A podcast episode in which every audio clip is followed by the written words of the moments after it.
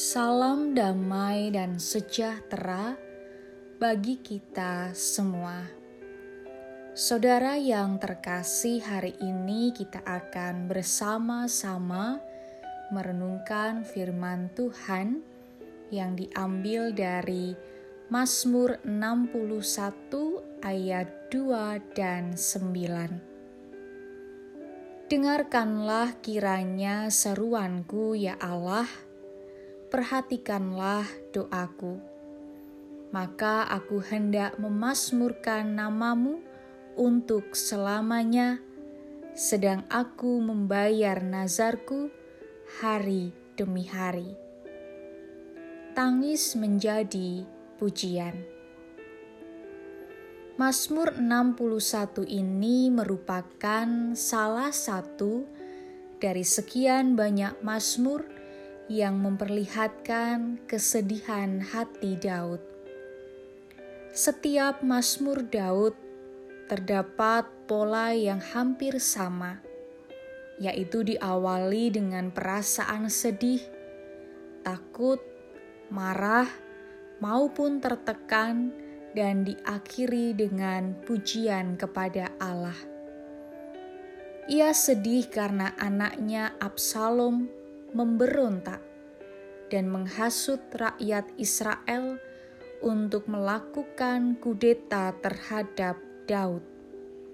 Karena itu, Daud beserta beberapa orang kepercayaannya melarikan diri dari Yerusalem. Inilah yang menjadi alasan Daud melukiskan rasa sedihnya. Mungkin juga pada saat itu Daud sedang mencari tempat persembunyian di goa, hutan, maupun di padang gurun. Dalam kondisi yang tidak berdaya, Daud memohon pertolongan dan kekuatan Allah. Ia tidak tahu kepada siapa harus berlindung selain kepada Allah. Daud pun bersyukur dan memuji keagungan Allah, sebab ia menjawab doanya. Allah telah mendengar doa orang yang hidup takut akan Allah. Dalam tangisan Daud, ia masih memiliki pengharapan dan pujian kepada Allah karena keyakinannya bahwa Allah mendengarkan doa orang yang hidup takut akan Allah. Bukankah ini juga yang perlu kita refleksikan saat ini?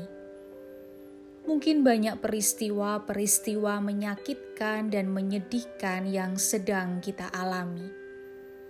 Kehilangan orang yang kita cintai, teman, saudara, atau bahkan kita sendiri yang saat ini sedang terpapar COVID-19 dan harus isolasi mandiri, bahkan dirawat di rumah sakit sedih karena mengalami kesulitan dalam ekonomi, dan lain sebagainya. Berbagai persoalan ini membuat kita menangis dan takut.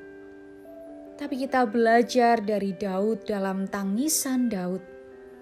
Ia tetap berpengharapan kepada Tuhan, bahkan memuji Tuhan karena percaya bahwa Tuhan akan memberikan perlindungan dan pertolongan. Maka, dalam kondisi saat ini, marilah kita tetap berpengharapan dan mensyukuri atas setiap hal yang terjadi, dan Tuhan berikan dalam kehidupan kita. Percayalah, Dia melindungi dan menolong kita. Oleh karena itu, semangat berjuang berpengharapanlah dan senantiasa memuji nama Tuhan.